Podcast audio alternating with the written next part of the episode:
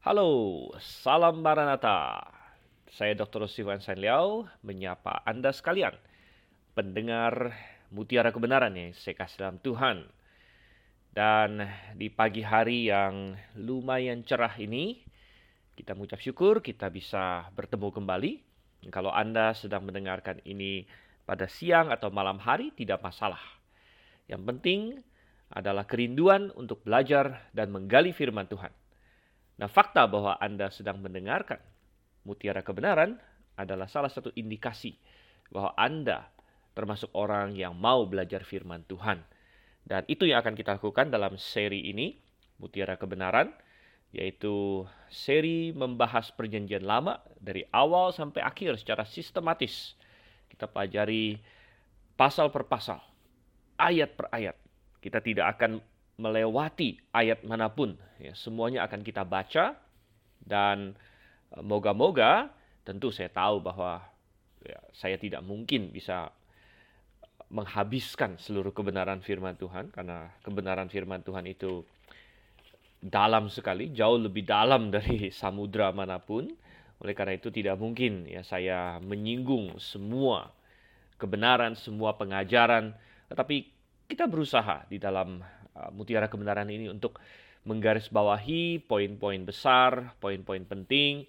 Kalau ada perikop-perikop yang sulit, bisa kita uh, gali lebih dalam lagi, bisa kita terangkan. Dan dengan demikian, para pendengar mutiara kebenaran sekalian bisa semakin maju di dalam pemahaman akan firman Tuhan. Kita sudah sampai pada hari ini di dalam Hakim-Hakim pasalnya yang ke-8. Ya, dan hakim-hakim pasal 8 jadi ini sesi ke-8 karena sampai dengan saat ini di hakim-hakim ini masih kita satu sesi satu pasal. Dan hari ini juga rencananya kita akan menyelesaikan 35 uh, ayat di dalam hakim-hakim pasal 8 yaitu keseluruhan pasal ini. Dan kita masih di dalam pembahasan tentang Gideon. Gideon adalah siklus keempat dalam Hakim-Hakim kita sudah membahas bahwa Hakim-Hakim memberikan kepada kita suatu siklus yang terus berulang di mana orang Israel meninggalkan Tuhan, kemudian Tuhan membiarkan mereka didisiplinkan, membiarkan mereka dikalahkan, lalu mereka berbalik kepada Tuhan, mereka berseru dan Tuhan membangkitkan hakim-hakim bagi mereka. Ya, siklus pertama adalah Otniel, lalu siklus kedua adalah Ehud, siklus ketiga adalah uh, Barak Deborah dan kita juga mungkin bisa masukkan Samgar di sana. Dan siklus keempat adalah Gideon. Kita sudah membahas pasal 6 adalah panggilan terhadap Gideon. Pasal 7 adalah ya pertempuran. Pertempuran awal minimal, awal pertempuran dan kemenangan Gideon dan pasal 8 adalah selesainya, menyelesaikan kemenangan itu karena belum finish sampai dengan pasal 7 tapi menyelesaikan karena di pasal 7 kita telah melihat bahwa ada 300 orang yang akhirnya dipilih Tuhan dari 32 ribu orang Israel yang menyertai Gideon, ternyata Tuhan bilang masih terlalu banyak orangmu. Luar biasa sekali ya. Terlalu banyak orangmu. Oleh karena itu, Tuhan bilang, oke, okay, aku akan pakai sedikit saja. Tuhan pilih 300, sudah kita bahas di pasal 7. Dan melalui taktik yang dipakai Gideon dan tentunya penyertaan Tuhan, mereka membuat pasukan Midian kacau balau, saling bunuh satu dengan lain sampai mereka lari. Nah, dikerahkanlah orang untuk mengejar mereka, termasuk suku-suku, termasuk suku Efraim, dan sampai di situlah kita di pasal 8. Sebelum kita masuk lebih lanjut lagi, mari kita berdoa terlebih dahulu, kita akan minta pertolongan Tuhan. Bapak yang di surga, kami mengucap syukur Tuhan untuk kasih setia kepada kami, dan Tuhan, eh, ada seorang hambamu yang pernah hidup ribuan tahun yang lalu lebih dari 3000 tahun yang lalu. Namanya Gideon Tuhan. Dan kami bisa kenal dia karena engkau mencatatkannya bagi kami. Dan engkau mencatatkannya bagi kami karena engkau ingin kami belajar suatu hal yang indah darinya. Oleh karena itu, ajarlah kami pada saat ini Tuhan.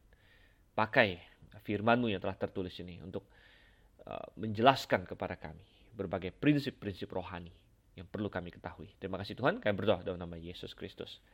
Amin. Oke, okay. Kita akan baca, saya akan mulai dulu ayat 1 sampai ayat 3. Lalu berkatalah orang-orang Efraim kepada Gideon, apa macam perbuatan doamu ini terhadap kami?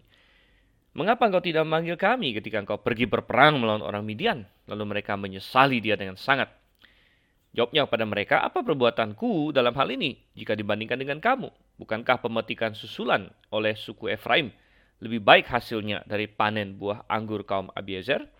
Allah telah menyerahkan kedua raja Midian itu, yakni Oreb dan Zeb, ke dalam tanganmu. Apa yang telah dapat kucapai jika dibandingkan dengan kamu? Setelah ia berkata demikian, maka redalah marah mereka terhadap dia. Oke, pasal 8 dimulai dengan suatu insiden yang cukup aneh kalau kita lihat. Uh, di mana kalau kita baca di pasal 7 beberapa ayat di atasnya, yang nyambung ya ke pasal 8, Gideon setelah dia, tadi kita sudah singgung sedikit, dengan 300 orang membuat kocar kacir pasukan Midian itu, lalu mereka lari tunggang langgang ke berbagai arah. Tentunya diperlukan lebih dari 300 orang untuk mengejar mereka dan mengalahkan mereka. Oleh karena itu, Gideon segera memanggil suku-suku lain untuk membantu dan banyak suku yang datang. Yaitu 23 ada Asher, Manasye, lalu juga Efraim, yaitu 24 Efraim ya. Nah, kita harus ingat bahwa Manasye dan Efraim adalah dua suku yang bersaudara. Dan Gideon itu dari suku Manasye. Manasye sebenarnya adalah kakaknya. Jadi mereka berdua adalah anak Yusuf ya, Manasye dan Efraim. Manasye adalah kakaknya sebenarnya. Tetapi Yakub sudah menubuatkan bahwa Efraim akan lebih lebih hebat daripada Manasye. Efraim akan lebih unggul, lebih menjadi yang dominan gitu. Nah, itu ternyata benar dan Efraim memang menjadi yang dominan walaupun lebih muda.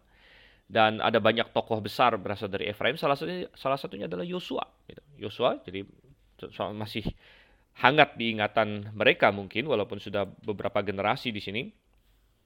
Uh, istilahnya suku Efraim menjadi suku yang lebih besar, lebih banyak orangnya, lebih dominan, tanah mereka juga uh, lebih luas. Ya.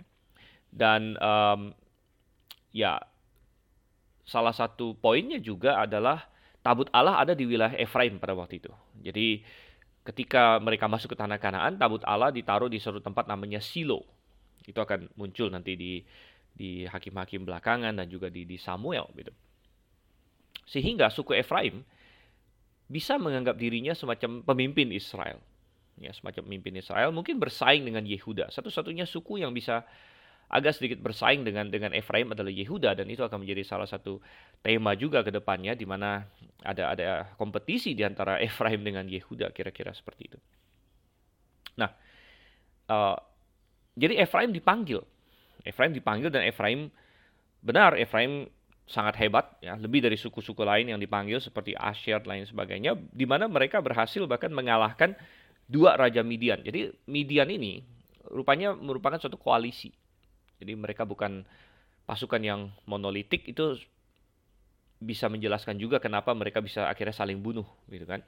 Karena di situ ada bukan hanya orang Midian, orang Midiannya pun terbagi-bagi menjadi dari beberapa kekuatan. Mungkin mereka tidak di antara mereka sendiri tidak tidak saling percaya sepenuhnya, di antara mereka sendiri ada konflik dan lain sebagainya.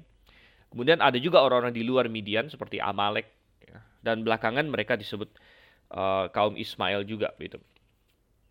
Jadi itu menyebabkan ya ketika ada sedikit masalah, ketika ada tekanan dan lain sebagainya apalagi dikacaukan oleh Tuhan, mereka saling membunuh satu dengan yang lain. Ya, tetapi dua raja Midian sudah ditangkap yaitu Oreb dan Zeeb di sini. Ya. Nah, tetapi di pasal 8 ayat 1 kita melihat malah Efraim marah sama Gideon gitu. Dan dari apa yang mereka katakan di sini terlihat mereka seolah-olah kenapa kamu nggak ajak kami dari awal gitu kira-kira seperti itulah. Ya. Kenapa kamu menyerang mereka sendirian mestinya mestinya kamu panggil kami gitu. Nah ini adalah satu tipikal ya tipikal uh, attitude atau sikap yang tidak benar sebenarnya sikap yang terlalu merasa diri penting terlalu merasa diri penting, terlalu sombong. Sebenarnya ini adalah suatu kesombongan di mana mereka menganggap diri mereka adalah pemimpin sehingga mereka harus yang yang maju duluan, ya mestinya Gideon panggil mereka dan lain sebagainya. Mereka tidak mempertimbangkan apa yang Gideon sudah lakukan, apa yang uh, jasa apa yang Gideon sudah lakukan. Uh, kalau misalnya mereka memang punya kemampuan, kenapa mereka perlu tunggu Gideon gitu kan? Mereka nggak berpikir seperti itu. Kenapa mereka nggak maju sendiri saja? Gitu. Tapi ini adalah uh, ciri khas ya pemikiran seseorang yang terlalu berfokus kepada diri sendiri sebenarnya, terlalu menganggap dirinya hebat, terlalu sombong. Sebenarnya akar dari semua ini adalah kesombongan. Ya, kesombongan. Dan masalah ini akan muncul lagi. Jadi pernyataan ini bukan insiden yang terisolasi, rupanya ini menjadi semacam uh, sesuatu yang merupakan kelemahan dari suku Efraim ini gitu ya. Karena nanti di hakim-hakim selanjutnya misalnya di Yefta ya, di masa Yefta nanti kita akan lihat di hakim-hakim pasal 12 mereka bikin masalah lagi dengan hakim yang lain gitu dengan dengan kira-kira motivasi yang sama gitu. Ya, jadi ini menjadi peringatan bagi kita jangan sampai kita seperti uh, suku Efraim di sini terlalu sombong, terlalu memikirkan diri sendiri, terlalu menganggap bahwa saya yang harus ya begini, harus ya begini ya. Dan ini merupakan semacam iri hati ketika ketika melihat Tuhan memakai orang lain, kita malah iri kepada dia. Gitu. Dan kadang-kadang kita berpikir mestinya dalam pelayanan tidak ada yang seperti itu. Tapi pada kenyataannya kadang-kadang muncul juga saudara Tuhan. Di dalam gereja ada iri mengiri. Di mana kalau misalnya ada uh, seseorang ya, yang yang mungkin kita tidak begitu suka dengan dia atau pihak lain lah begitu lalu mereka seolah-olah melakukan sesuatu untuk Tuhan, kita kita bukannya mengucap syukur, kita malah iri hati begitu. Nah, ini tidak benar. Tidak benar. Saya sangat sedih sekali dan mestinya hal seperti ini tidak terjadi dalam dalam gereja Tuhan. Tapi pada kenyataannya ada terjadi. Dan kalau misalnya kita ada terlibat dalam hal seperti itu, ini saatnya bagi kita untuk bertobat. Dan kita bisa melihat apa yang terjadi di sini, ya kan? Coba kita introspeksi, adakah kita seperti itu? Adakah kalau misalnya ada seseorang ya dia um, membawakan puji-pujian yang sangat bagus. Apakah kita mengucap syukur atau kita malah ngiri? Oh, mestinya saya bisa seperti itu. Nah, ini kan salah kalau begitu. Ya. Kalau kita malah ngiri, oh mestinya saya yang yang maju. Ya. Enggak, mesti kita mengucap syukur. Ya. Kita menjadi terlalu berfokus kepada diri kita sendiri kalau hal-hal seperti itu menimbulkan ketidaksenangan atau iri hati dalam diri kita. Oke, dan kita melihat bagaimana uh, Gideon menanganinya di sini ayat 2 dan ayat 3 ini menunjukkan suatu hikmat ya, suatu sikap yang sangat bijak juga dari dari Gideon di mana Gideon tidak meladeni mereka, Gideon tidak menjadi marah ya, Gideon tidak uh, tidak apa ya, tidak ngambek dan oke, okay, oke okay, kalian mau apa sih gitu semacam jadi akhirnya bikin suatu keonaran ya. Eh, bisa saja sebenarnya Gideon punya hak untuk berkata, "Eh, ngapain kamu ini mempermasalahkan ini dan lain sebagainya." Ya dia, dia bisa marahin mereka sebenarnya, tapi tidak. Dia tidak melakukan itu. Kenapa? Karena dia tahu musuh sebenarnya bukanlah Efraim. Gitu. Musuh sebenarnya adalah Midian. Dan ini menjadi suatu pelajaran yang sangat baik juga, di mana sering kali kita sering bertengkar sendiri sesama teman sebenarnya, sesama anak Tuhan. Padahal bukan musuh kita itu. Musuh kita adalah kuasa kegelapan. Musuh kita adalah orang-orang yang menentang Injil. Musuh kita adalah kesesatan, saudara Tuhan. Tapi sering kali kita menghabiskan energi untuk berperang satu dengan yang lain, bertengkar satu dengan yang lain, bahkan di dalam satu jemaat. Wow, ya itu tidak pantas.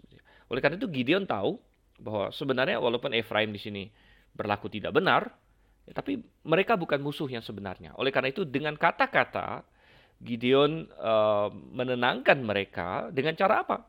Dengan cara berfokus kepada apa yang Tuhan lakukan. Jadi saya mendapatkan ini adalah strategi yang sangat bagus, yaitu ketika ada masalah, mari kita kembalikan fokus kepada Tuhan. Mari kita kembalikan fokus kepada pekerjaan Tuhan. Dan itu yang Gideon lakukan di sini. Di mana Gideon berkata, oke, okay, nggak usah fokus lah. Nggak usah fokus ke yang lain-lain, tapi lihat apa yang Tuhan apa yang Tuhan sudah lakukan melalui kalian. Nah, mari kita bersuka cita untuk itu. Ya, Gideon berkata demikian ya. Dia berkata, eh, Eh, nggak usah nggak usah marah dengan aku Gideon bilang ya. Tuhan sudah pakai kalian. Tuhan sudah pakai kalian. Tuhan menyerahkan Oreb dan Zeeb ya. Jadi nggak ada masalah nggak usah permasalahkan. Dan sampai dengan titik itu Gideon sendiri belum berhasil mengalahkan atau ya menawan raja mana-mana. Walaupun nanti kita akan lihat eh, akan akan diusahakan tapi intinya dia berfokus kembalikan fokus kepada Tuhan dia tidak menonjolkan dirinya. Jadi kalau misalnya Efraim menonjolkan diri, lalu Gideon juga menonjolkan diri, misalnya dia berkata, eh saya loh yang memimpin gerakan ini, saya loh yang yang uh, yang memimpin 300 orang, kalian harus berterima kasih pada saya. Jadi kalau Efraim menonjolkan diri, Gideon juga menonjolkan diri, apa yang terjadi? Pasti konflik. Pasti konflik, karena dua-duanya mau mempertahankan egonya. Nah ini yang sering kali muncul. Kalau ketika dua orang mau mempertahankan egonya masing-masing, dua belah pihak mau mempertahankan egonya masing-masing, ya akan terjadi konflik. Ya, tapi Gideon di sini, ayo kita fokus kepada Tuhan. Kita fokus pada Tuhan. Jadi Tuhan sudah kasih kalian kemenangan, oke. Okay. Jangan jangan ini sama saya gitu. Ya, apa-apa apa yang bisa saya lakukan? Saya tidak ada apa-apanya. Memang benar. Jadi itu yang harus kita lakukan di sini ya. Oke, kita lanjutkan ayat yang keempat sampai dengan ayatnya yang ke uh, ke sembilan di sini ya. Ketika Gideon sampai ke sungai Yordan, menyeberanglah ia dan ke 300 orang yang bersama-sama dengan dia meskipun masih lelah, namun mengejar juga. Dan berkatalah ia kepada orang-orang Sukot, Tolong berikan beberapa roti untuk rakyat yang mengikuti aku ini, sebab mereka telah lelah dan aku sedang mengejar Zebah dan Salmuna, raja-raja Midian. Tetapi jawab para pemuka di Sukot itu, Sudahkah Zebah dan Salmuna itu ada dalam tanganmu, sehingga kami harus memberikan roti kepada tentaramu? Lalu kata Gideon, kalau begitu, apabila Tuhan menyerahkan Zeba dan Salmuna ke dalam tanganku, aku akan menggaruk tubuhmu dengan duri, padang gurun, dan onak. Maka berjalanlah ia dari sana ke Penuel. Dan berkata demikian juga kepada orang-orang Penuel. Tapi orang itu pun menjawabnya seperti orang-orang Sukot. Lalu berkatalah ia juga kepada orang-orang Penuel, apabila aku kembali dengan selamat, maka aku akan merobohkan menara ini. Oke, dalam pengejaran terhadap orang-orang Midian, mereka sampai akhirnya menyeberangi sungai Yordan, menyeberangi sungai Yordan karena sungai Yordan adalah salah satu semacam batas ini ya, batas alam di situ. Dan mayoritas suku-suku Israel ada di sebelah barat suku, sebelah barat uh, Yordan ya, walaupun ada dua setengah suku yang ada di sebelah timur. Dan orang-orang Midian mereka lari ya menyeberangi sungai Yordan, akhirnya dikejar juga dan uh, dia hanya memiliki 300 orang di sini. Wow, sudah nggak sama Tuhan. Jadi 300 orang adalah pasukan inti dia yang dia pakai untuk mengejar. Dan berapa banyak orang yang dikejar. Nanti akan, akan kita lihat di, di ayat yang ke-10 ya. Tapi sebelum sampai di sana dia menghadapi tantangan lain lagi. Yaitu tantangan dari dua kota yaitu Sukot dan Penuel. Dan di Sukot dia berkata, ya, tolong beri aku makan roti. Kita bisa membayangkan mereka capek, mereka uh, mereka lapar ya. Dan kalau saja mereka bisa mendapatkan makanan itu akan menjadi suatu kekuatan yang sangat baik sekali menjadi suatu bantuan yang yang sangat baik sekali. Dan ya Sukot di sini uh, dia minta roti. Tapi apa jawab orang-orang Sukot malah mereka menjawab dengan sangat pedas boleh dibilangnya sangat sinis. Mereka bilang apa Sudahkah Zeba dan Salmuna ada dalam tanganmu sehingga kami harus memberikan roti kepada tentaramu? wow. Ya. Lalu kata Gideon, kalau begitu apabila Tuhan menyerahkan Zeba dan Salmuna ke dalam tanganku, aku akan menggaruk tubuhmu dengan duri, padang gurun, dan onak. Nah, Penuel juga demikian. Penuel rupanya terkenal karena ada suatu menara di situ. Dan uh, menara itu adalah kebanggaan mereka. Sehingga Gideon berkata, oke, okay, kalau kalian tidak mau membantu aku, kalau aku menang, maka aku akan merobohkan menara ini. Nah, kita akan lihat apakah itu akan terjadi sebelum kita bahas nanti um, pelajaran dari semua ini ya. Tapi coba kita baca dulu ayat 10 um, sampai dengan ya kita baca berapa ayat dulu. Ayat 10. Sementara itu Zeba dan Salmuna ada di Karkor bersama-sama dengan tentara mereka, kira-kira 15.000 orang banyaknya, yakni semua orang yang masih tinggal hidup dari seluruh tentara orang-orang dari sebelah timur. Banyaknya yang tewas ada 120 ribu orang yang bersenjatakan pedang. Wow, ini kembali mengingatkan kita sebenarnya berapa hebat kemenangan yang Tuhan berikan kepada Gideon. Ya. Bayangkan, dengan 300 orang, mereka berhasil membuat pasukan yang sebanyak berapa ini. Sisa 15 ribu, mati 120 ribu, berarti mereka total minimal punya 135 ribu. Makanya sudah kita bahas di pasal 7. Dengan jumlah tentara awal Israel pun yang 32 ribu orang itu pun masih kalah jauh. Dan mestinya mereka tidak bisa menang punya. Tapi Tuhan masih bilang itu terlalu banyak. Sehingga Tuhan turunkan, turunkan dari 32 ribu menjadi 10 ribu. Masih terlalu banyak Tuhan bilang. Jadi 300. Dan 300, kenapa? Tuhan bilang, aku tidak mau ada manusia yang bisa bermegah. Aku tidak mau ada manusia yang bisa menyombongkan diri. Ya, dan itu menunjukkan kepada kita betapa Tuhan membenci hati yang sombong. Kembali lagi ke poin pertama kita tadi ya, suku Efraim yang sombong dan sebagainya. Tapi Tuhan membenci hati yang sombong. Kita selalu merendahkan hati kita di hadapan Tuhan. Dan dengan dengan 300 orang mereka berhasil membuat 135 orang lari gitu. Ya, lari. Dan tinggal 15 ribu. Tapi Anda bisa membayangkan betapa lucunya sebenarnya 15 ribu dikejar oleh 300 orang. 15 ribu dikejar oleh 300 orang. Oke, walaupun mereka sudah sudah kalah, tapi ini memperlihatkan betapa moral ya, moral atau kalau di bahasa Indonesia kan jadi bukan moral dalam pengertian kayak uh, moral jangan berzina, tapi moral kalau dalam bahasa Inggris moral itu kayak semangat suatu tentara. Dalam suatu ketentaraan yang sangat penting itu bukan hanya kemampuan perangnya, tapi moral orang bilang, moral the moral of the troops. Jadi kayak semangat juang, semangat juang dari si tentara itu itu yang sangat penting sekali. Dan walaupun mereka punya 15 ribu orang, tapi mereka itu mentalnya sudah mental kalah. Mereka mentalnya mental sedang lari, gitu. sehingga 300 orang ini mentalnya semangatnya itu semangat menang. Mereka bahwa mereka mengejar dan sebagainya. Oleh karena itu hal yang sangat penting sekali, lebih dari mungkin masalah jumlah atau masalah masalah uh, peralatan dan lain sebagainya adalah masalah semangat juang dan dan mental gitu. Ya, dalam pertempuran fisik itu benar dan juga dalam pertempuran rohani. Ya. Suatu gereja yang bersemangat berapi-api bagi Tuhan, orang Kristen yang berapi-api bagi Tuhan, yang semangat bagi Tuhan, wah ini ini Tuhan senang, ini akan Tuhan pakai.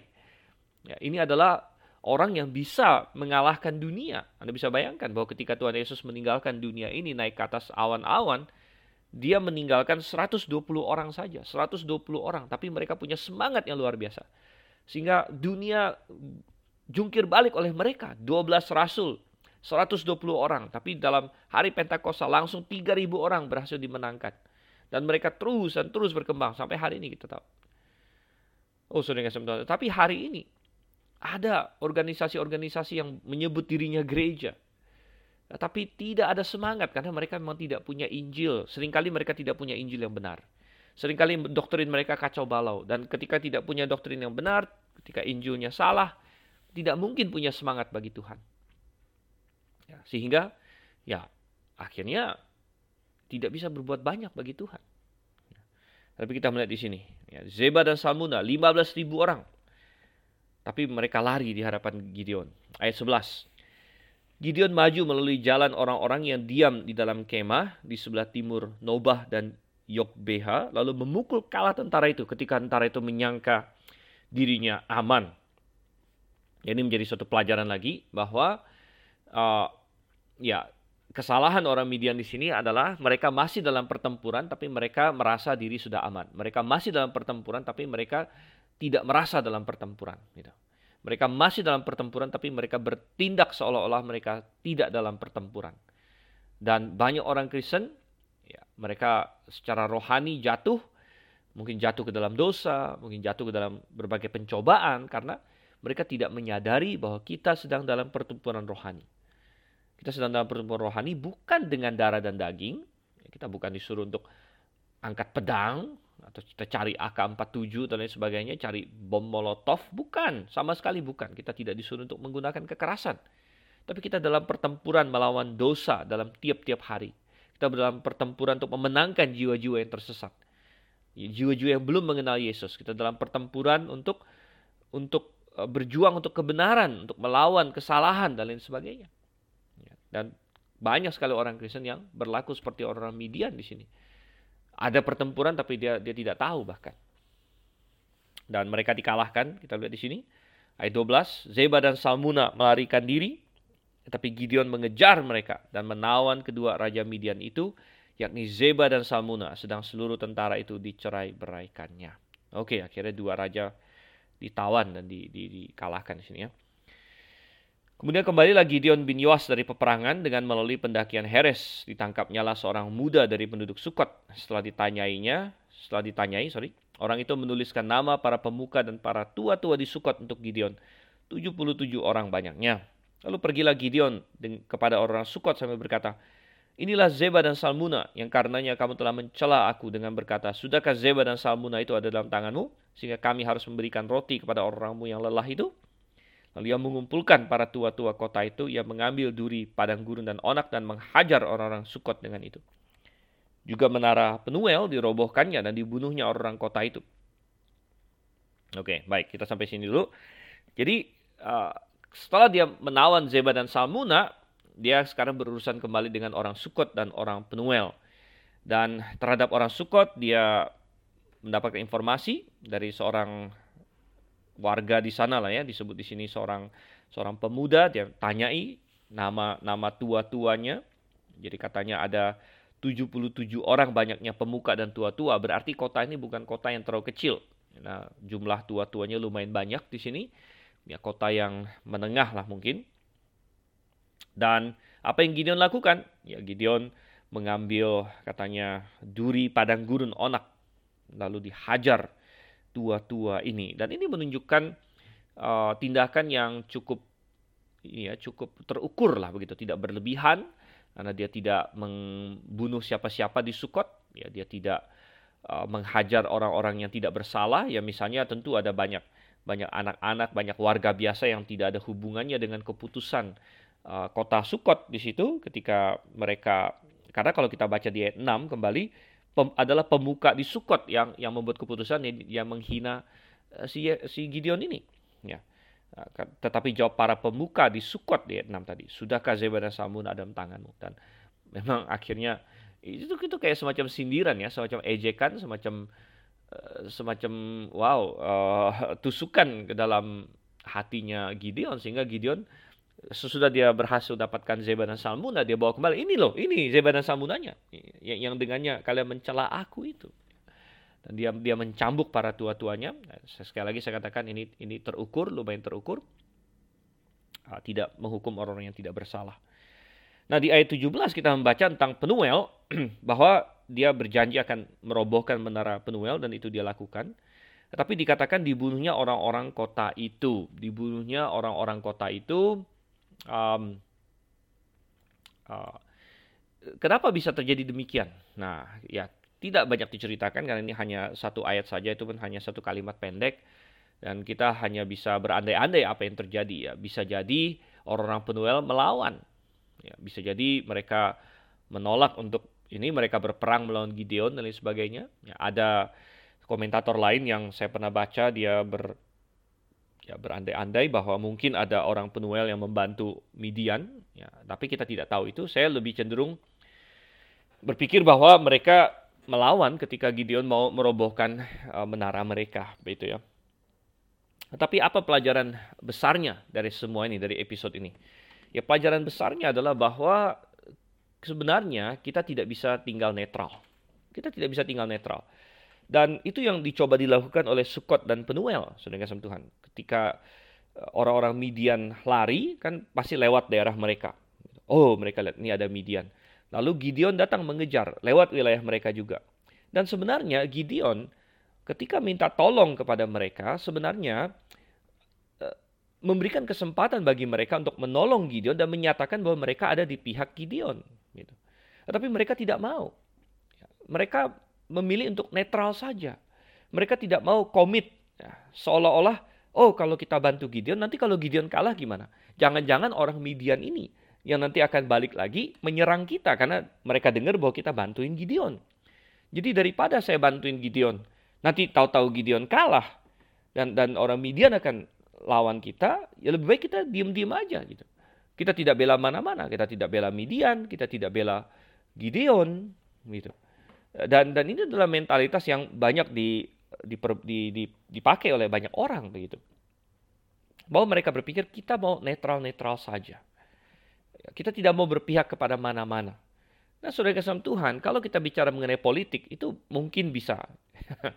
mungkin bisa. Tapi kalau kita bicara soal hal rohani, sebenarnya tidak ada yang demikian. Tidak ada netralitas dalam hal rohani. Dan Tuhan Yesus sendiri menekankan hal ini. Kalau kita baca di dalam Matius 12 ayat yang ke-30, Matius 12 ayat 30, Tuhan Yesus menegaskan, siapa tidak bersama aku, ia melawan aku. Dan siapa tidak mengumpulkan bersama aku, ia mencerai beraikan. Jadi Tuhan Yesus mengatakan tidak ada posisi netral. Di mana kita berkata, Tuhan, saya tidak pro kamu, saya juga tidak anti kamu. Tidak ada seperti itu. Kalau kita tidak pro Tuhan, kita melawan Tuhan. Dan kita bisa menggambarkan ini dalam banyak sekali banyak sekali poinnya. Misalnya masalah keselamatan. Tidak ada orang yang netral gitu. Entah Anda diselamatkan atau Anda tidak diselamatkan. Entah Anda musuh Tuhan atau Anda anak Tuhan. Anda tidak bisa berkata, oh saya tidak mau jadi anak Tuhan, saya tidak mau juga jadi musuh Tuhan. Tidak bisa. Karena kita sudah dalam permusuhan dengan Tuhan. Itu adalah posisi kita dari awalnya. Tidak ada posisi netral. Karena kita orang-orang berdosa. Bahkan kalau kita tidak mau, misalnya kita begini, saya tidak mau menyembah Tuhan, saya juga tidak mau menjadi musuh Tuhan. Tidak bisa. Ketika Anda tidak menyembah Tuhan, Anda sudah musuh dia. Kenapa? Karena dia adalah pencipta. Dan dia berhak mendapatkan penyembahan kita. Dia dia berhak untuk kita eh, kita menjunjung dia, bahwa kita mengakui dia sebagai pencipta kita. Dia adalah pencipta kita. Jadi kita tidak bisa berkata begini, saya tidak mau menyembah Tuhan, sampai saya, saya tidak mau melawan Tuhan juga. Loh, dengan tidak menyembah Tuhan, kita sudah melawan dia sebenarnya. Tidak ada posisi netral saudara kasih Tuhan. Oleh karena itu, kalau Anda bukan musuh Tuhan, Anda berarti Anda sudah diperdamaikan, Anda sudah menerima dia, Anda sudah menerima kasih karunia-Nya, tawaran keselamatan yang dia berikan, yang satu-satunya melalui Yesus Kristus, Anda sudah terima itu. Maka Anda menjadi anaknya, Anda, Anda sudah pro dia sebenarnya. Dan tidak ada netral, saudara.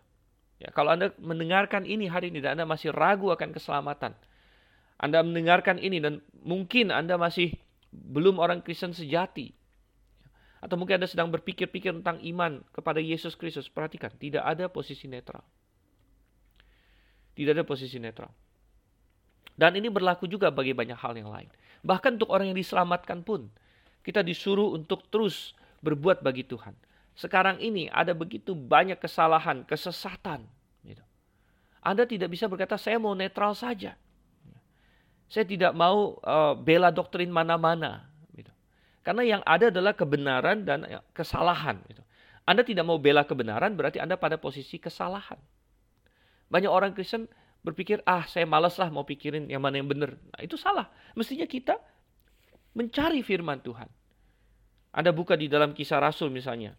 Tentang orang-orang Berea. Kisah Rasul pasalnya yang ke-17 kira-kira.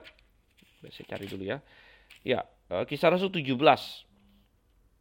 Ayatnya yang ke-10 dan 11. Tetapi pada malam itu juga segera saudara-saudara di situ menyuruh Paulus dan Silas berangkat ke Berea Setibanya di situ pergilah mereka ke rumah ibadat orang Yahudi. Orang-orang Yahudi di kota itu lebih baik hatinya daripada orang-orang Yahudi di Tesalonika karena mereka menerima firman itu dengan segala kerelaan hati dan setiap hari mereka menyelidiki kitab suci untuk mengetahui apakah semuanya itu benar demikian. Jadi mereka tidak berkata ini ada pengajaran Paulus, kemudian ada pengajaran katakanlah uh, tradisional Yahudi atau atau hasutan dari orang-orang Yahudi yang menentang Yesus, sementara Paulus memberitakan Yesus, mereka tidak berkata, aduh males, males mikir, ya udahlah kita baik-baik sama Paulus, baik-baik juga sama sama ini uh, yang yang anti Paulus dan sebagainya, tidak bisa. Ya. Tuhan ingin mereka menyelidiki kitab suci. Seharusnya ketika ada kontroversi, kita menyelidiki kitab suci. Mengenai apa? Oh macam-macam saudara, terserah. Mengenai jalan keselamatan. Tadi, kembali ke keselamatan kan. Apakah keselamatan itu benar-benar dengan percaya beriman penuh kepada Tuhan Yesus bertobat kepadanya ataukah harus ditambahi dengan hal-hal lain ditambahi dengan baptisan ditambahi dengan uh, bahasa roh atau bahasa lidah ditambahi dengan amal perbuatan baik kita tidak bisa berpangku tangan dan berpikir ah udahlah saya malas pikirin tidak kita harus harus menyelidiki kitab suci kan ini masalah kebenaran kita tidak bisa netral ketika kita netral ya berarti di hadapan Tuhan kita menjadi orang yang tidak mencintai kebenaran. Tidak mencintai kebenaran. Itu berarti kita menjadi musuh kebenaran. Ya, masalah apa lagi? Oh, begitu banyak sudah kasih Tuhan. Ya.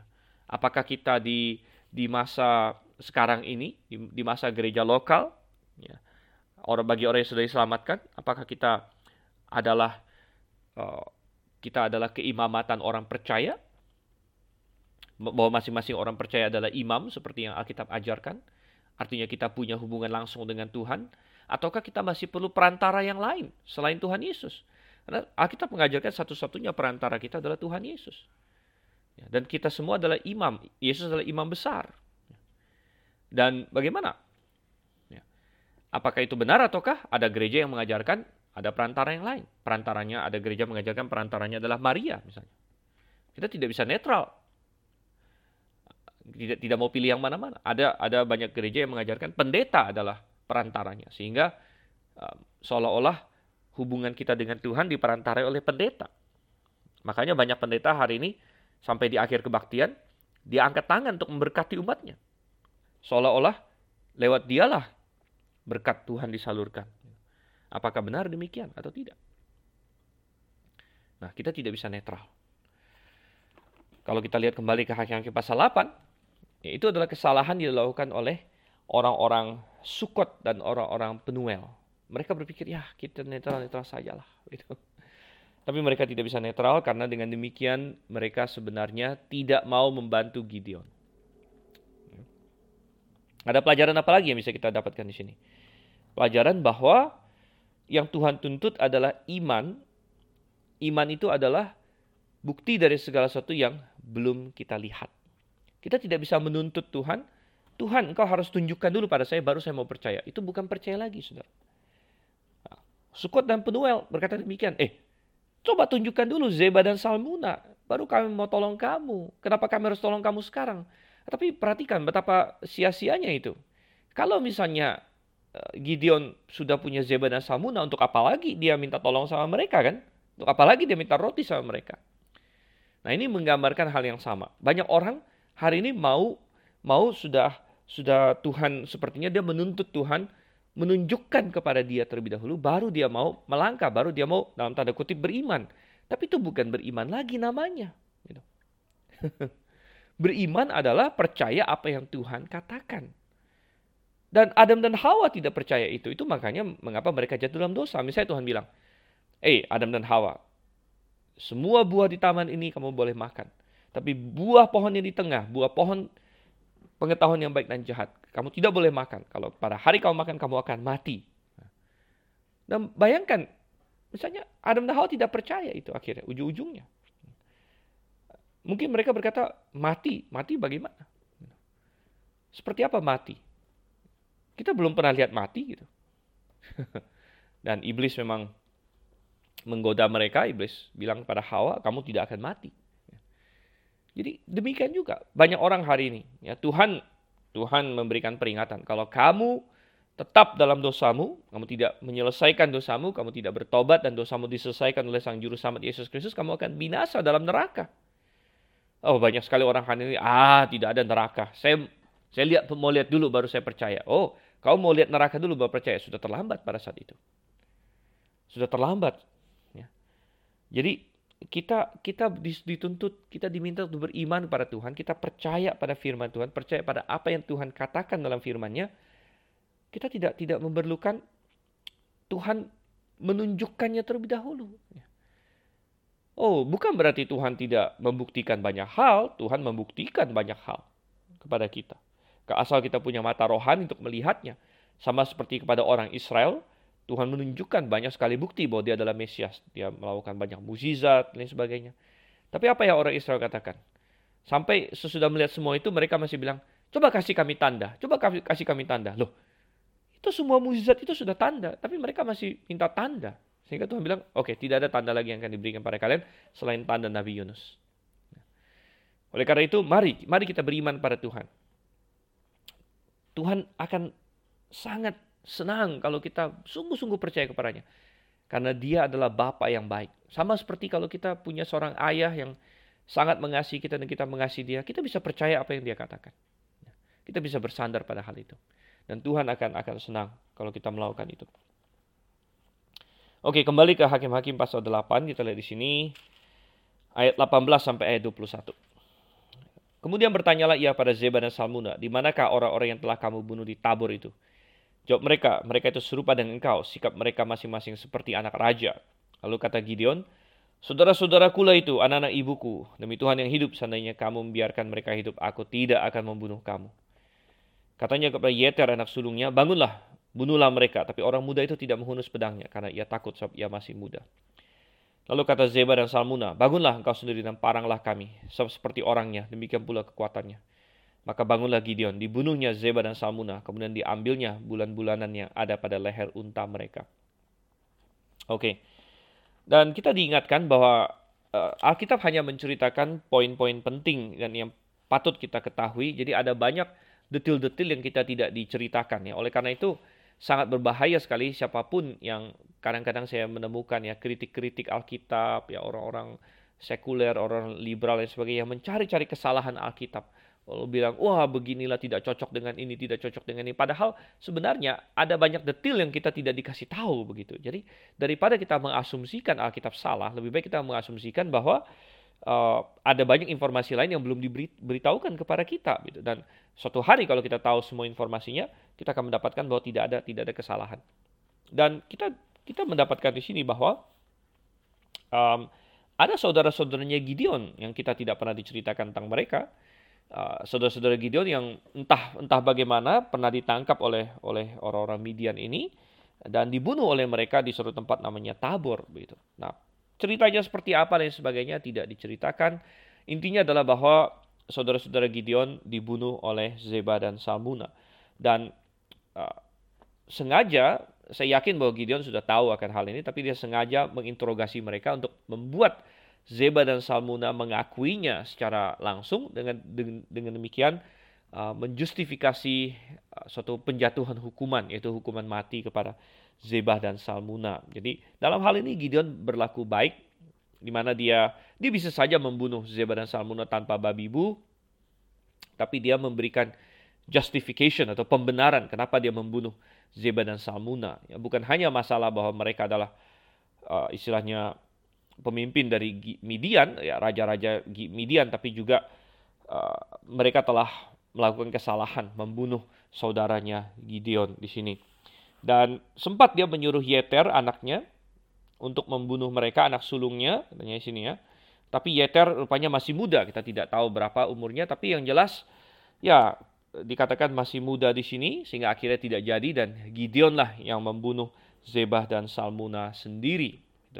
Dan kenapa dia melakukan sendiri demikian atau kenapa dia suruh Yeter karena ini semacam uh, tuntutan penuntut darah. Kalau di Israel itu ada konsep penuntut darah, penuntut darah. Jadi kalau ada keluarga kita yang dibunuh dengan tidak benar, maka yang berhak untuk melakukan pembalasan adalah keluarga, ya keluarga dari yang bersangkutan di situ. Dan kita melihat di sini akhirnya Gideon melakukannya sendiri. Oke, dengan demikian dia berhasil mengalahkan Midian secara sepenuhnya. Tetapi apa yang terjadi selanjutnya? Nah, kita lihat ayat 22. Kemudian berkatalah orang Israel kepada Gideon, Biarlah engkau memerintah kami, baik engkau, baik anakmu maupun cucumu, sebab engkaulah yang telah menyelamatkan kami dari tangan orang Midian. Oke, kita melihat di sini, ini adalah sudah siklus yang keempat, jadi sudah semenjak Yosua itu sudah lebih dari 100 tahun kita membaca sudah lebih dari 100 tahun, mungkin sudah 200 tahun, kita tidak tahu juga persisnya. Um, tetapi ya banyak orang Israel yang meminta Gideon menjadi raja di sini, menjadi raja. Dan ini bukan sesuatu yang yang baik. Dan uh, mereka meminta Gideon menjadi raja karena mereka merasa bahwa Gideon berjasa kepada mereka. Uh, sehingga di ayat 22 mereka bukan hanya menginginkan raja Gideon, tapi mereka mencontoh bangsa-bangsa lain. Di mana mereka berkata, baik engkau, baik anakmu maupun cucumu. Jadi mereka ingin mendirikan suatu dinasti. Dinasti Gideon. Sebagaimana bangsa-bangsa lain, karena ya posisi raja akan diturunkan dari bapak ke anak dan lain sebagainya. Uh, sebenarnya Tuhan sendiri tidak serta-merta menganggap bahwa Israel punya raja itu hal yang buruk sebenarnya. Tidak. Kenapa? Karena sebenarnya Tuhan sudah menubuatkan jauh-jauh hari. Kalau Anda baca di kejadian waktu Yakub mau mati, dia pernah bernubuat tentang anak-anak Israel. Dia sudah menubuatkan bahwa akan ada kerajaan Israel. Dia berkata bahwa tongkat kerajaan tidak akan beralih dari Yehuda. Jadi Tuhan sudah menubuatkan bahwa Israel akan menjadi suatu kerajaan. Tapi saudara sama Tuhan, uh, mestinya kerajaan itu disusun berdasarkan kehendak Tuhan, bukan berdasarkan pola bangsa-bangsa lain. Nah ini akan menjadi kesalahan Israel.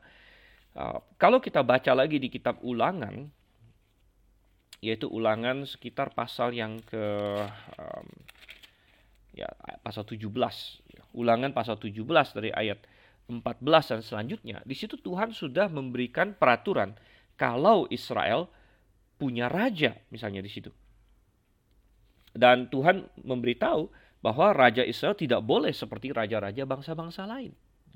Bahwa eh, misalnya raja Israel tidak boleh seperti bangsa-bangsa lain terus menumpuk kekuatan militer. Jadi punya kuda banyak-banyak. Lalu juga tidak boleh menumpuk kekayaan. Tidak boleh uh, hatinya tamak begitu ya, punya emas terlalu banyak. Juga tidak boleh menumpuk wanita, menumpuk istri. Tidak boleh punya banyak istri. ya, jadi tidak boleh seperti raja bangsa-bangsa lain. Kalau raja bangsa-bangsa lain, mereka benar-benar menjadi raja itu kayak diktator begitu. Jadi mereka berhak punya emas sebanyak-banyaknya, berhak punya istri banyak-banyak. Jadi uh, dan tidak seperti itu Israel. Israel kalaupun nanti suatu hari punya raja, dia adalah raja yang memerintah di atas raja yang sesungguhnya. Dan siapa raja yang sesungguhnya atas Israel? Yaitu Tuhan itu. Jadi raja Israel itu mestinya adalah semacam penanggung jawab ya, semacam orang yang dipercaya untuk memanage kerajaannya Tuhan. Jadi dia menjadi raja manusia yang tunduk kepada Tuhan. Oleh karena itu raja manusia ini bukan bertindak sewenang-wenang, seolah-olah dia tidak punya atasan, dia tahu bahwa dia harus tunduk kepada Tuhan mestinya. Dan uh, dia dia tunduk kepada Tuhan, Tuhan adalah raja sesungguhnya. Dia menjadi raja manusianya, dia taat pada firman Tuhan, dia akan menjadi raja yang sangat baik. Itu yang Tuhan inginkan. Bahkan kalau Anda baca di ulangan 17, sekali lagi di situ, Tuhan memerintahkan Raja Israel nantinya harus menyalin hukum Tuhan. Dia harus mempelajari hukum Tuhan. Karena dia harus menjalankan uh, perintah Tuhan di dalam negeri itu. Jadi itu adalah konsep kerajaan yang Tuhan inginkan. Sekali lagi, Tuhan tidak alergi dengan kerajaan. Tuhan juga bukan uh, apa mengabsolutkan bahwa Israel tidak punya raja. Sebenarnya boleh, tapi dengan cara yang tepat pada waktu yang tepat dengan caranya Tuhan. Dan apa yang orang Israel minta di zaman Gideon ini masih belum seperti itu. Dan kita tahu ya belakangan nanti mereka akan coba lagi di zamannya Samuel. Tetapi coba kita lihat dulu apa yang Gideon jawab di ayat 23. Jawab Gideon kepada mereka, Aku tidak akan memerintah kamu dan juga anakku tidak akan memerintah kamu, tapi Tuhan yang memerintah kamu. Oke, ini adalah jawaban yang sangat bagus sekali. Jadi Gideon uh, mengerti benar bahwa sebenarnya Tuhanlah yang memerintah dan keinginan Israel untuk punya raja di sini adalah suatu kesalahan karena bukan dilakukan berdasarkan kehendak Tuhan. Kalau mereka mencarinya berdasarkan kehendak Tuhan itu bagi itu bagus. Ya. Ya, karena ada waktunya nanti, ada waktunya nanti Tuhan akan eh, berikan mereka raja. Ya, tetapi mereka tidak sabar, ya mereka ingin menjadi seperti bangsa lain di sini. Dan sekali lagi tadi sudah kita singgung, mereka mencoba sekali lagi nanti di zamannya Samuel dan di zaman Samuel itu sudah makin keras tuntutannya, mereka bahkan tidak mau lagi berkompromi, mereka pokoknya harus ada raja sehingga akhirnya Tuhan memberikan raja yang sesuai keinginan mereka yaitu Saul di situ ya. Tapi itu nanti belakangan. Nah, kalau kita sudah masuk ke satu Samuel di situ. Tapi Gideon di sini menjawab dengan dengan baik. Ya. Oke, uh, dan pelajarannya bagi kita adalah bahwa oke kita bukan kerajaan hari ini, kita bicara individu sajalah. Ya, banyak saya perhatikan banyak anak muda hari ini mereka tidak suka hidup di bawah orang tua mereka. Banyak orang muda merasa mereka perlu memberontak. Ya. Mereka pikir, oh andai kata saya sudah dewasa, saya mau keluar dari orang tua saya, supaya tidak ada orang yang atur saya lagi. Biasanya yang seperti ini adalah orang-orang yang belum dewasa memang. Mereka belum sadar bahwa ketika kamu dewasa, kamu keluar dari rumah orang tua, makin banyak lagi orang atur kamu. Kamu diatur oleh bos kamu. Kalau enggak, kamu dapat kerjaan di mana? Kamu dapat makan dari mana? Ya, kamu tidak mau dengar orang tua, tapi ketika bos suruh ini, suruh ini, kamu terpaksa, terpaksa harus ikut. Ya. Tapi yang lebih tegas lagi adalah bahwa sebenarnya siapa pun kita, kita ada di bawah Tuhan sebenarnya. Dan, dan kita perlu hidup di bawah kepemimpinan Tuhan, kepemimpinan firman Tuhan. Ya, itu itu yang penting sekali ya. Oke, ayat 24. Selanjutnya kata Gideon kepada mereka, satu hal saja yang kuminta padamu, baiklah kamu masing-masing memberikan anting-anting dari jarahannya, karena musuh itu beranting-anting emas sebab mereka orang Ismail. Jawab mereka, kami mau memberikannya dengan suka hati. Dan setelah dihamparkan sehelai kain, maka mereka masing-masing melemparkan anting-anting dari jarahannya ke atas kain itu.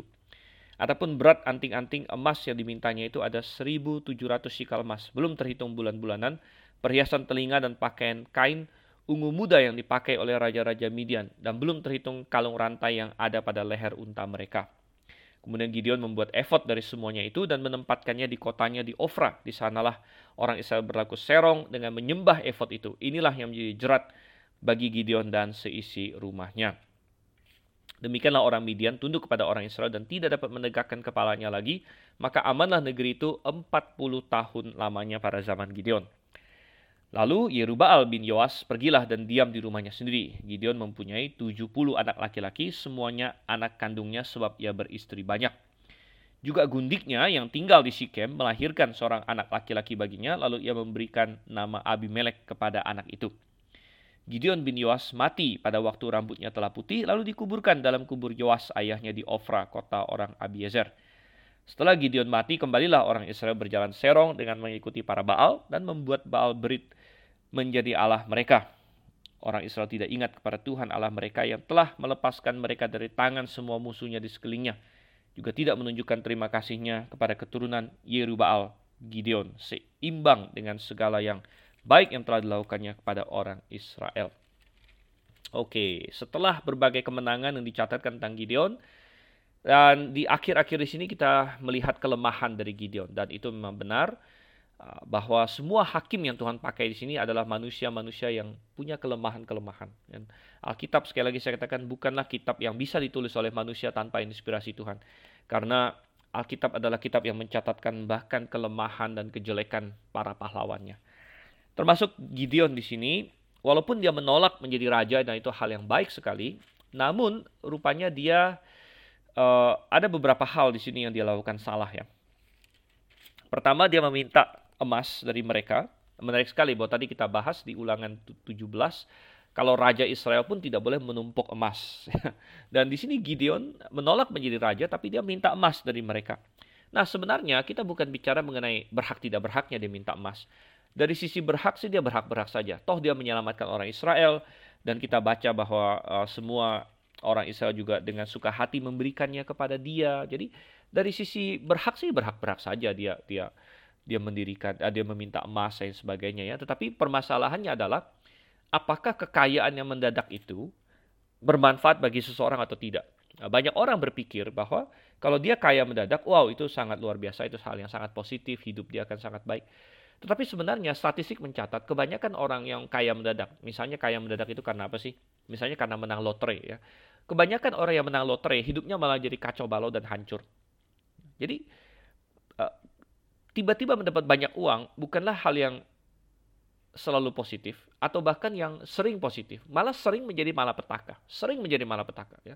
Nomor satu Anda menjadi incaran orang jahat, nomor dua Anda menjadi incaran mungkin bukan orang jahat tapi keluarga kah, teman-teman palsu kah yang uh, tiba-tiba mau mendekat kepada Anda, Anda jadi sulit membedakan mana yang benar mana yang tidak.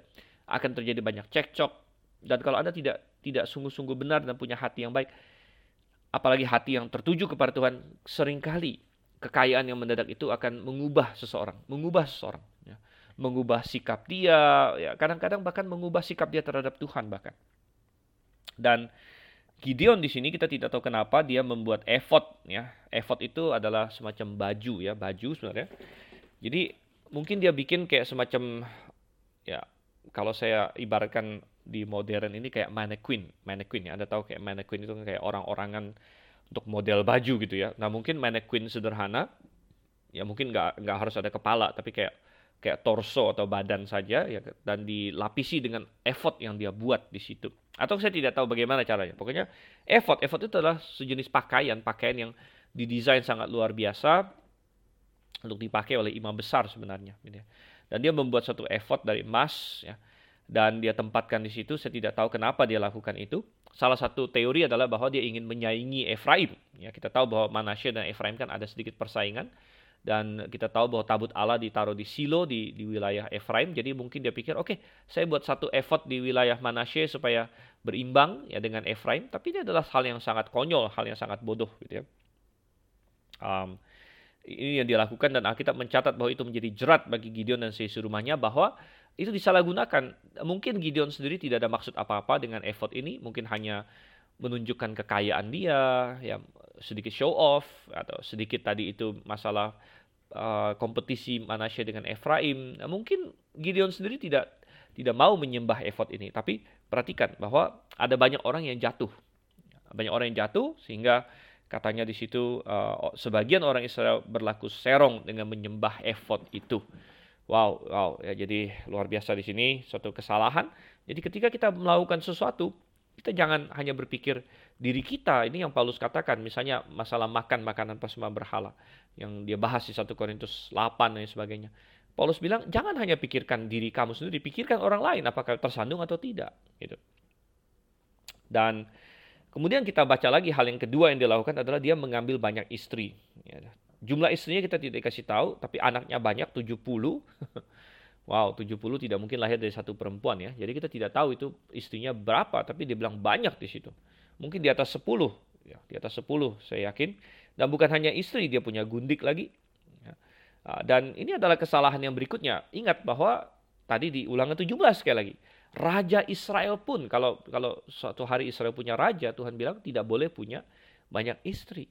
Seperti bangsa-bangsa lain. Tapi Gideon menolak menjadi raja, tapi dia minta emas dari mereka dan kemudian dia punya istri banyak gitu. Jadi sepertinya walaupun dia menolak menjadi raja, dia uh, sedikit sedikit menjadi sombong di sini. Sedikit menjadi sombong.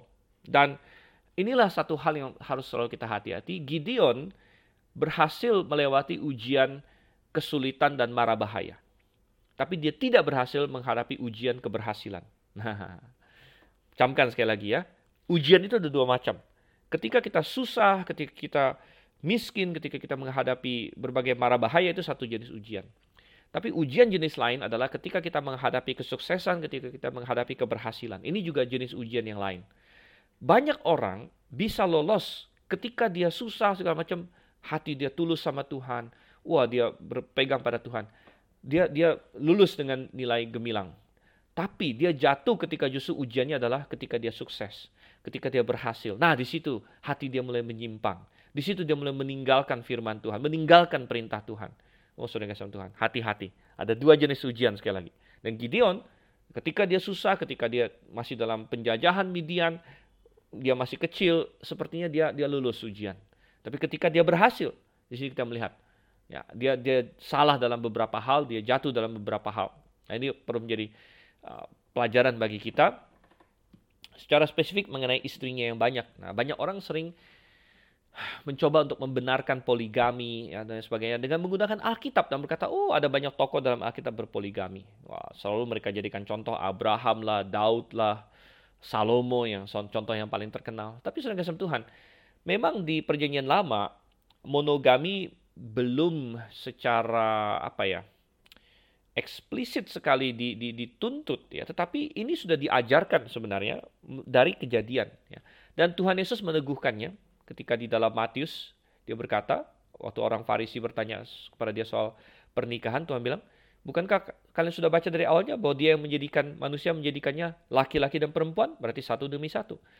Kemudian kita membaca di 1 Timotius 3 ayat 2 bahwa syarat seorang penilik adalah suami dari seorang istri dan saya selalu katakan bahwa syarat penilik bukan berarti kalau bukan penilik uh, itu tidak tidak tidak perlu melakukan hal ini adalah standar yang Tuhan inginkan sebenarnya ya. dan satu hal yang menarik adalah bahwa di kasus-kasus poligami yang dicatat Alkitab, kebanyakannya Tuhan akan mencatatkan juga efek buruknya. Abraham, poligami, efek buruknya ada, ada. Akhirnya dia harus mengusir anaknya, salah satu anaknya sendiri. Dan dan terjadi cekcok antar keluarga dan sebagainya. Sampai hari ini sudah kasih Tuhan. Ya, Daud, ya, karena dia banyak istri, ya, dia dia punya kelemahan terhadap wanita, dia akhirnya berzina, ada pertempuran di antara anak-anaknya, saling bunuh lah, saling perkosa. Salomo kita tahu karena poligaminya hatinya tertarik dari Tuhan. Dan Gideon di sini, saudara Tuhan.